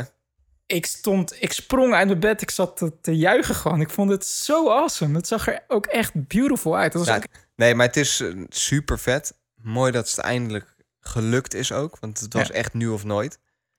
En het was dubbel beladen, hè? Want dit was ehm, een, eh, een missie naar ISS. Ja. Eh, Die een keer eerder was eh, fout gegaan. Dit was de eerste lancering naar Low Earth Orbit ISS na de explosie van Ja. de vorige missie.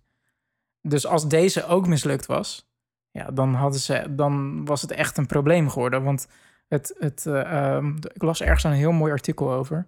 Ehm, Heb ik ook gelezen, volgens mij op The Verge. Dat het nu of nooit was. En dat anders NASA. NASA gedwongen zou zijn om naar andere partijen nou, te kijken. het plan De Russen zouden Ja. dan betrokken moeten worden. En, ja. Kijk, wat NASA wil, die wil gewoon zich helemaal focussen op deep space missions. Die wil Pluto fotograferen.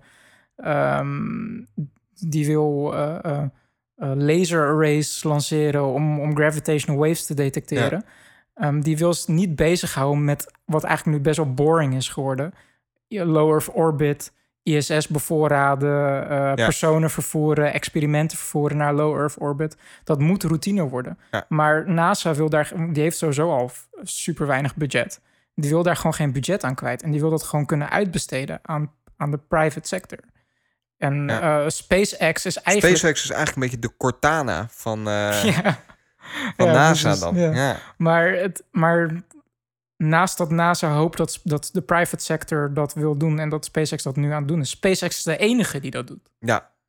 Er zijn Dus- maar een aantal mensen zijn echt een space, of een aantal entiteiten zijn echt in space geweest.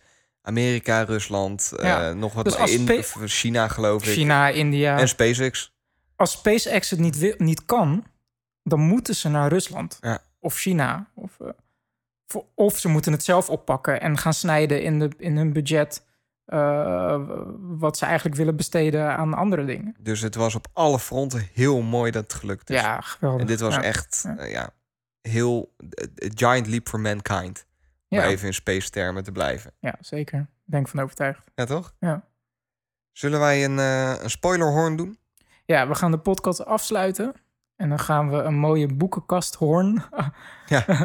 afvuren. Maar dan gaan we geen boek bespreken, maar Daredevil. seizoen 2. Bam. Cool. Gaan we niet te lang doen, denk ik. Nee. Maar Heb je hem nog niet gezien? sluit er nu lekker af, want eh, die moet je zeker kijken. Ja, je hoeft niet nu af te sluiten. Nee, maar lu- luister nog even mijn verhaaltje af. Maar ik wou je toch even bedanken ik zie voor het mensen al luisteren. grijpen naar Ja. het... nee. Ja. Nee, bedankt voor het luisteren. Als je het interessant vindt, blijf even hangen voor Daredevil seizoen 2. Contain spoilers. Ja. Ehm, mocht je interessante dingen hebben, mocht je ons willen bereiken, mocht je iets willen delen, je weet ons eh, te vinden via de gebruikelijke kanalen Facebook, Twitter of mail. En, En- check ook onze nieuwe podcast, De Boekenkast. Die Dus, staat eh, online. Clickbait, eh, nee, is geen clickbait. Nee, Nee. ik wil gewoon dat mensen ernaar Ja. luisteren, want het was super leuk om te doen. Luister die shit. Ja, cool. Nou, David, thanks. Ja, jij ook weer bedankt, Sander. Ik zie je na de spoiler hoor. Ja, ik zie je nu toch. Nee, Hey. flauw. Live long and prosper. Ciao.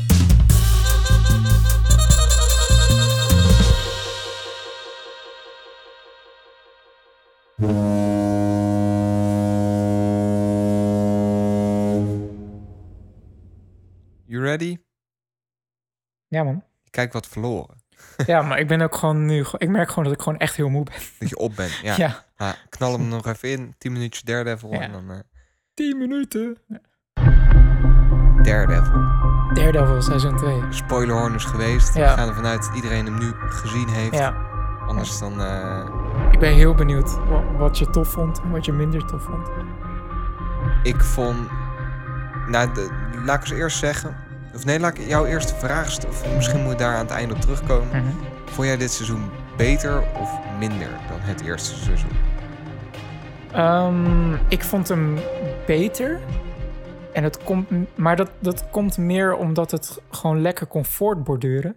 Want in seizoen 1 ging er meer over dat, dat, dat eh, ehm, hoe, heet, hoe heet hij? Matt Murdock. Ja. Dat hij eigenlijk de besluit nam dat hij, eh, hij ziet zoveel onrecht. Hij gaat er wat aan doen. Hij wordt een Ja. vigilante en hij is het nog een beetje aan het uitproberen.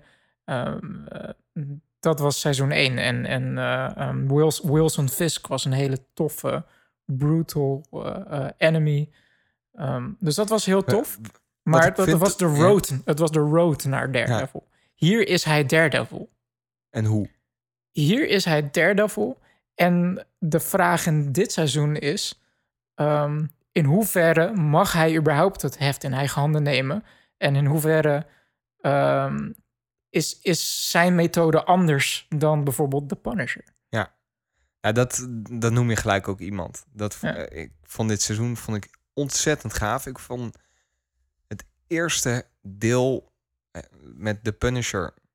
Dat vond ik zo vet, jongen. Af, dat was eigenlijk aflevering 1 tot met 4. Dat was Ja. echt helemaal die storyline tussen Daredevil en de Punisher. Ja, en The Punisher, nou, die was ook echt perfect Hij gecast weer. doet het goed, hè? Ja, Wauw, hij doet briljant. het echt. En op een gegeven moment heb je die aflevering A Penny and a Dime, heet die geloof ik. Mhm. Ja, ik, ik weet niet al. Aflevering ja, dat, dat, is die aflevering dat hij ook op dat kerkhof uiteindelijk zit. En Oh, waar die eigenlijk ge- Zo. gepakt wordt, eigenlijk. En dat, Ja. dat Daredevil hem gered heeft uit die, die den of die Ja. Irish eh, mafia. En dat hij dan gaat vertellen waarom hij doet wat hij doet, wat zijn backstory ja, is. ja. Dat, vond, dat vond ik de sterkste scène van heel dit seizoen. Dat was een behoorlijk lang dialoog, maar sterk. Echt, echt heel sterk. Van eigenlijk die discussie van... What gives you the right? Hoezo mijn methode is effectiever? En eh, ja. Dus jij mag iemands hand breken, dat mag wel. ja, Terwijl dat mag vol- volgens de wet ook niet. nee. Waarom mag jij dan dat wel doen en mag ik niet iemand voor zijn kloot schieten? Ja. Waarom, waarom mag jij iemand helemaal verrot slaan? Die belandt vervolgens in de gevangenis en die wordt dan eruit gekocht of die komt na een jaartje vrij. Ja. En eh, ik maak er gewoon een eind aan. Ik zorg gewoon voor dat mensen niet meer eh, gepijnigd worden door die persoon, die slechte persoon. En ik vond het gewoon heel tof in dit seizoen dat er ook meerdere bad guys in zaten. Of meerdere storylines, zeg maar. Ja, ik dat ze vond, niet ik vond het- geprobeerd hebben een heel seizoen op de Punisher te baseren. Want zou het Nee. misschien wat uitgerekt worden. Maar ik, nou, die scène, ik, ik, ik blijf het zeggen, die vond ik zo briljant. ik Dat vond hij daar op het kerkhof zit. Ja. dat hij helemaal Ja, eh, klaar is eigenlijk ook. En dat hij gewoon weet van, dit is het. Ik, eh. Ik ga nu dood of ik ga de gevangenis in. En ik, heb er vrede mee. En ook verteld hoe of wat. Ja. Maar dat, dat is voor televisie, zeg ik van wauw, dat, dat is script, zeg. Dat is echt dat je zo'n scène zo captivating kan maken. Wat alleen maar gesprek is tussen twee personen. Ja, knap is dat. Ja, en ook zo lang knap. heel boeiend Ja, kan houden. ja, ja. En ik vond Elektra vond ik ook wel cool. Ik was, laten we even bij de Punisher blijven, want Ja, eh, ook. nu gooi je gelijk ja, Want wat ik bijvoorbeeld, wat ik ook echt gewoon ook de brutality van, van de Punisher ook vond, was. Er was een scène, daar ging hij wapens kopen bij een of andere gozer. Ja. En toen merkte die, die, die wapenhandelaar, zeg maar, dat hij dat, dat hij, was dat hij illegale... geld had. Ja, inderdaad. En ik van, oh, wacht, wacht even, wacht even. Ik heb ook eh, kinderporno voor. Daar kwam het gewoon op neer. Ja. Hij had kinderporno voor hem. Ja. Van, wil je dit ook niet kopen?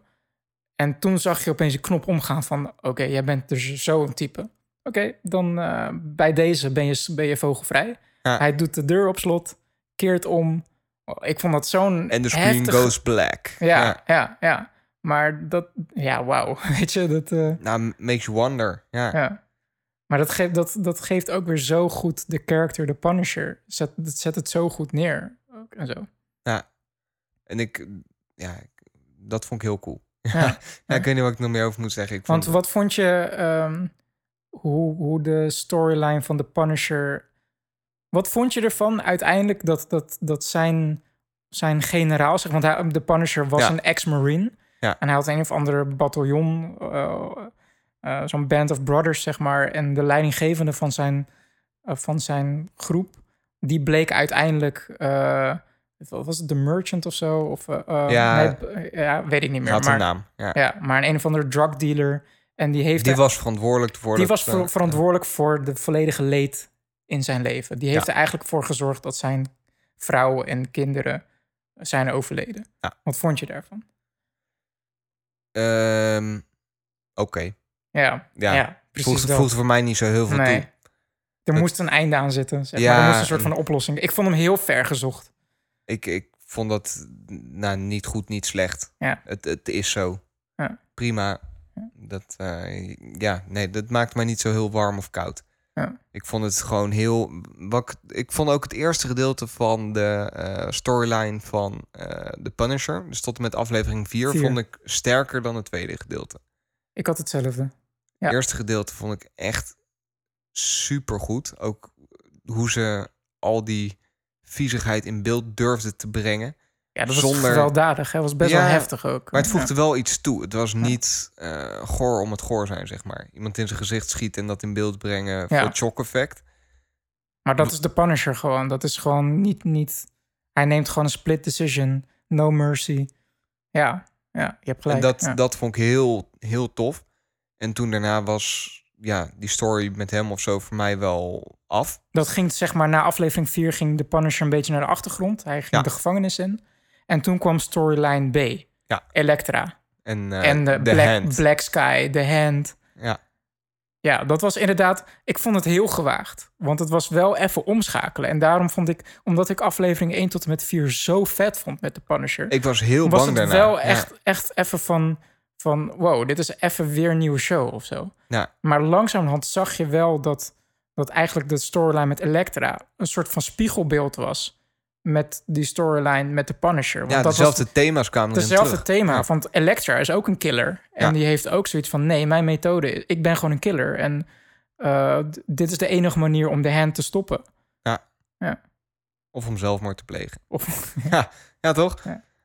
Nee, maar dat, eh, ik, ik vond het tweede gedeelte, daar was ik in het begin ook wat huiverig voor. En merkte ik ook dat ik er weer iets in moest komen. ja, ik het mooie is, hetzelfde. dat ja. zie je ook heel goed terug in de IMDb-ratings. Hè? Ja, Je Ja. ziet heel erg dat, het, eh, dat de ratings oplopen tot een top van, ik geloof, een 9,8. Wat echt wel heel hoog is dat is behoorlijk hoog. voor aflevering 4. Ja. En dan kakken ze weer wat in en dan lopen ze weer langzaam op. Ja.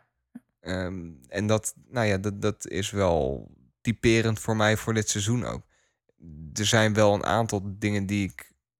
eh, ja, waar ik mijn vraagtekens bij heb. Of die ik niet helemaal tof vond. Wat, wa- zoals? Ehm, ik vond het einde iets wat voorspelbaar. Mhm. Ja, Dat- je bedoelt die battle op, op het dak, zeg maar, met al, die, moment- met al die Op een ninja's. gegeven moment is hij samen met haar zit ze eh, gevangen met op Ja, het dak staan ja, al die ja, ninja's ja, en beneden zijn ninja's Ja. en dan gaan ze zo'n hele dialoog houden over dat hij met haar mee wil gaan en zo. Ja, denk oké, er komt een seizoen drie. Hij gaat niet met haar mee, Dus ze moet dood. Ja, maar is ze dood? Nee, maar eh, dit was Comic wel... books, hè? De Resurrection Machine. eh, Ja. Een of andere Chinese urn. Niemand, niemand is Ja. echt dood. Nee, maar dat...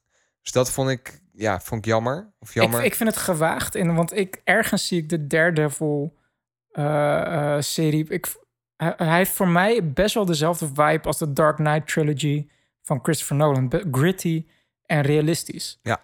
En waar ze nu mee gaan beginnen... Je zag het al een beetje bij Jessica Jones, die andere Marvel tv-serie. Dus dat Magic nu toch wel echt een rol gaat spelen. Ja. Want de hand, de, de ninja's, dat hele, die hele Oosterse vibe...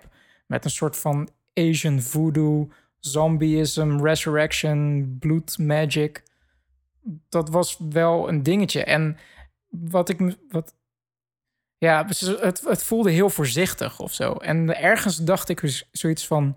doe het niet Mhm. of g- go for it. Ja. Maar het was soort van elke keer als ze in de buurt kwamen... bijvoorbeeld wat ik ook echt best wel een sikke scène vond... was die, die aanval op het ziekenhuis. Ja. Dat die ninja's die, die, die eh, slachtoffers tussen haakjes Ja. kwamen halen... en dat die slachtoffers Zelf ook, geen, geen eh, slachtoffers zijn... maar die, die kozen er ook van. Die stonden er als zombies opeens op. Dat was super vet. Maar daar bleef het dan steeds bij. En had ik elke keer toch het gevoel van...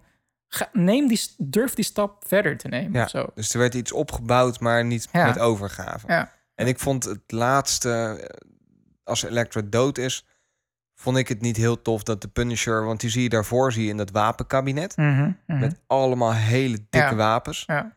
Ook met allemaal hele grote Wordt ook een beetje in de schoot geworpen. Van, Oké, zo komt de Punisher Ja, aan zijn wapens. En vervolgens dan staat hij daar op het dak. En dan heeft hij, ik, geloof, een, een, een, sniper, of zo. Ja. Terwijl hij net daarvoor met allemaal hele dikke machinegeweren in zijn handen staat. Oh, je had eigenlijk gewild dat hij met zo'n minigun op het dak... Ik had gehoopt dat hij daar neermaaien. All out met echt raketten en weet ik veel wat allemaal op Ja. het dak had gestaan. Ik snap Dat je. hij dat, dat gebouw had opgeblazen. Ja. Staal, weet je wel? Ik vond het wel een mooi momentje dat, dat Daredevil eigenlijk gered werd door de Punisher. Dat, dat en dat dan- Daredevil uiteindelijk toch een killer wordt, hè? Ja, Wederom, van dezelfde persoon. Ja. Hij, hij weet Ja. het niet dat die vent nog leeft. En uiteindelijk door... eh, oh die, ja, eh, ja, door ehm, ja, een of andere Stick. stick. Ja, Ja, dat hij door de gekild eh, ja. Nee, maar ik vond het momentje gewoon mooi. Die, die, dat dat, dat eh, de Punisher eigenlijk Daredevil redt... en dat ze nou oogcontact hebben... en dat de Punisher zo'n knik geeft van... it's okay, weet je? Want, zijn toch, want hij is toch een anti-held, zeg maar. Dus dat... Ja, maar ik, ik vraag me dan zo... Ja, ik vond het juist niet zo cool. Ja, ja ik, ik, snap, ik snap wat je zegt. Hij had gewoon meer in zijn net, moeten zijn. net, net, twaalf afleveringen helemaal in die strijd geworpen. Van ja, mo- moet je nou wel of niet killen? En dat is een heel mooie Ja. vraag. Op het moment dat een van die twee kampen, in dit geval Daredevil, dan zo'n knikje geeft van nee, het is goed, Mhm. je mag killen. Dan verlaat hij eigenlijk zijn principes. En dan is heel die vraag is weg. Ja, ja, ik En snap. dan als kijker, dan heb ik zoiets van ja, waar heb ik het dan voor gedaan? Ja. Snap je wat ik bedoel? Ik, ik, nou, ik, ik zet het nu heel negatief neer, want ik vond het echt een briljante show. Ja, Maar nee, ik snap wat je, wel ik dat ik snap dacht, wat je ja. zegt, maar Wees stand, standvastig en heb nog steeds zoiets van nee, je mag niet killen. nee, maar volgens mij, eh, ehm, Ik, ik vond trouwens die uitspraak, die wil ik nog even erin Mhm, gooien, die vond ik echt briljant. Ehm, ik weet niet meer exact hoe die gaat, maar op een gegeven moment zegt de Punisher zegt tegen, eh tegen Daredevil als hij er vastgebonden zit van eh, we are the same, the only difference is... ehm, you're one bad day uh, away away, from- from, being me. ja, Ja, dat is een hele goede scène. en dat Eh, vond ik zin, wel echt... Ja, en Ja. aan het einde, en dan kan je misschien ook weer verantwoorden, Ja. dan is die bad day. Hij Ja, ziet dat- El- dat- Elektra inderdaad. gekild worden. En dan heeft hij ook echt een bad day. Maar dat, dat is dus het, het ding. Want ik ben er dus niet van overtuigd dat, dat Daredevil op die Batman-level zit van... Ik, no guns, ik Ja. ga niet killen. Trouwens, je hebt Batman v Superman niet gezien, Nee. maar... Oh my god. De mensen die hem gezien hebben, die snappen nu waarom ik nu Ja. zucht. Maar anyway. Maar Daredevil zit niet op dat niveau. Hij, zit, hij heeft gewoon hard... Hij heeft gewoon al die interne strijd. Want hij, hij ziet ook in het dagelijks Dat het leven als advocaat... ja. dat het niet werkt wat hij doet. Dat Dus- Fisk daar in die gevangenis en volgens de gevangenis weer runt. Ja. En Ja. de Punisher weer vrijlaat. En Ja, eh, ja. niet eens geboeid zit daar zo. Ja. Dus in die zin ehm, was Daredevil nooit echt... hij- uit gevoel heeft hij zoiets van, ik mag niet killen. Maar, maar ondertussen heeft hij al een soort van... Moet hij er constant ook tegen vechten van... Ja, shit. Zeg, van Het is wel de, de battle van de dark versus the light side in Ja, hem. eh, ja, beetje, En dat maakt in mijn optiek, optiek Daredevil gewoon een hele interessante character. Ah, en ook wel een, een, een geloofwaardige character. Ja. Ook een beetje dat dat dat katholicism, de katholiek in hem, zeg maar. En, en de- Ja. de- met, die, met die priester, die confessions en zo. Ik weet niet, dat, dat trekt me wel heel Ja. erg. hè. Ik zit te denken, zijn er nog meer noemenswaardige eh, dingen waar ik het met je over wil hebben? Nou ja, even terugkomend. Jij vond seizoen 2 beter dan seizoen 1. Nou ja, ik vind het altijd ik vind het een moeilijke vraag. Het, kijk, seizoen, waarom is seizoen 2 zo tof? Omdat seizoen 1 bestaat. Ja. Dus in die zin, ja, dat is eigenlijk een beetje die Star Wars discussie meer, weer meer van, van, van is Empire, Empire Strikes Back nog steeds zo tof als een New Hope er niet was? Ja. Zeg maar. Dus dat, ehm, het, het is gewoon een goede voortborduring op seizoen 1. Nou ja, concluderend, allervetste aflevering, aflevering 4. Eens. Die heeft echt de Ja. show voor mij echt, echt wel Dat- dat was defining moment. nog ja. boven Jessica Jones gezet. Ja, ja. Ik vond het heel cool, ook de wisselwerking die er nog in zat. Dat je op een gegeven moment ziet dat eh Maddie, of nee, hoe heet die, eh, Foggy, Foggy, omdat weer gaat die- werken bij dat advocatenkantoor. Bij Ja. die vrouw die je ook ziet in... eh, bij Trinity. Ja, Trinity. Ja. ja. hoe heet ze? Ja, geen idee. Trinity van de Matrix. Hogarth heet ze. Wauw. Dat- Hogwarts. Ja, nee, nee, Hogarth. Hogarth. Ja, dat ik dat nog herinner. Zeg. Dat, Ja. dat, ze- dat, dus dat vond ik heel cool. En dat je dan, ja. Maar denk dat ik het eerste gedeelte toffer vond dan het tweede gedeelte. Ja. Maar hem wel ontzettend gaaf vond. En het ook heel tof vind dat dit kan bestaan naast de Avengers, zeg maar. Ja, helemaal eens. Als een, als een Ja. Marvel ding. Op Gaat Netflix. het ooit crossover dat we Daredevil eh op het grote scherm zien? ik Naast, hoop het eh, niet. Ja, nee, voor mij hoeft het ook niet. Wat ik Als wel het, hoop... als het gebeurt, dan gebeurt het bij Infinity War. Ik hoop wel dat uiteindelijk, want we krijgen nu ook een serie over, eh, hoe heet die vent? Eh, Diamond Skin, eh, Ja, Luke Cage. Luke Cage. Ik hoop wel dat, dat ze hier dan nog een aantal seizoenen van maken, maar dat uiteindelijk dat het afgesloten wordt met één seizoen waarin ze allemaal zitten. Maar dat is al confirmed. Het gaat ook gebeuren. Defenders. Misschien hoop ik het daarom dat ik het, Omdat het van al- jou al gehoord heb Ja, of zo. Defenders. Ja, dat, daar zijn ze naartoe aan toewerken. Ja, ja, dat zou ik heel cool Ja. vinden. Ja. Daar ben ik wel benieuwd ook naar dan. Ja, ja, ik ook. En ik ben het eigenlijk gewoon volledig met je eens met wat je allemaal zei. En ehm, ja, Lu- Luke Cage is de volgende. En daarna komt Iron Fist. En eh, ik ik ben totaal niet bekend met Iron Fist, maar ik heb ergens in een podcast gehoord dat in de comics van Iron Fist superveel magic in voorkomt. Oké. Dus dat wordt heel interessant. Ja. Hoe ze dat gaan mengen. En Luke Cage, ja, ik ben heel benieuwd. Ik weet het echt niet. Ik, ja, Luke Cage vind ik trekt me het minste gewoon. Dus Nou ja, maar dat, ik ga dat, wou ik kijken. dus ook maar, zeggen. Maar Jessica Jones, ja, daar wist ik ook helemaal niks van af. Ja, true. En Maar Jessica Jones had voor mij gewoon een toffere premise. Of zo, van een, een, iemand die al een hero was, maar die gewoon super getraumatiseerd is en daardoor eigenlijk geen superheld meer durft te zijn. Dat vond ik gewoon al een super toffe premise. Bij Luke Cage, ik snap de premise niet zo goed. Behalve dan dat hij super sterk is en raar woord unbreakable is. premise. Ja, ik, ik weet ook even niet het. Nederlandse woord. Het- de, de, de, de backstory. De, Het is geen Nederlands woord. Nee, ja, eh, de achtergrond. Nee, dat is, dat is geen vertaling voor premise. Nee. Premise. Nou ja, misschien half. Anyway, het doet er niet toe. Het was tof. Daredevil, Vet. Ja, Luke Cage en ehm, Captain America v Iron Man. Captain America Civil War. Die komt Ja. volgens mij echt over twee weken uit of zo. Ja, zoiets. Super binnenkort. samen met Game of Thrones. Is het zo? Ah. Game of Thrones anderhalve week. Really? Oh, wow. Ja. Dat was me echt helemaal ontgaan. Ja. Oh, wat vet. Game of Thrones gaat weer beginnen. Super vet. Ja, Wauw. hebben we weer wat om over te lullen. Ja, ja. Dat staat nog steeds in onze podcast description. Dat we het ook over Game of Thrones hebben. Nou ja, dat hebben we echt al een jaar hebben we nu toch gedaan ook. Ja, ja, precies. Ja. Cool. Lieve luisteraars, nogmaals bedankt. En eh live long and prosper. Ciao.